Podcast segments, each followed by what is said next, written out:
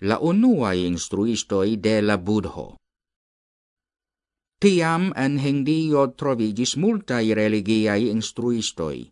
Unu el la instruistoi plei bonai cae famai estis Alaro Calamo. Asceto Gotamo iris lerni celi. li. Restis ce la instruisto cae lernis de li multai scioin, inclusive de meditado. Fine alaro calamo diris che li ne plu capablas instrui lin.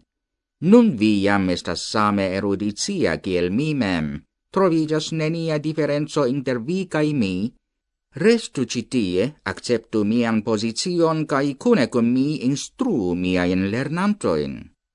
Sed Gotamo tutte ne interesigis pri la restado quancam li lernis multe, tamen li sciis bone che li ancorau estas victimo de maliunigio, malsanigio cae morto, cae che lia clopodo ancorau ne successis. Do Gotamo forlasis alaron calamon cae clopodis por serci novan instruiston. Fin fine li trovis alian grandan instruiston Udaco, ciu famigis pro sia intelligentezzo. Gotamo denove lernis tre rapide, cae baldao sis tiel multe kiel sia instruisto.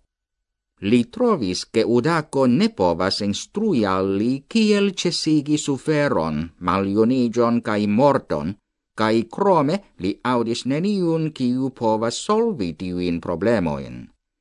Asceto Gotamo mal esperigis refoie, cae forlasis Udacon cun firma decido che li clopodu per si mem gis li eo trovos la causon de ciui suferoi en la homa vivo.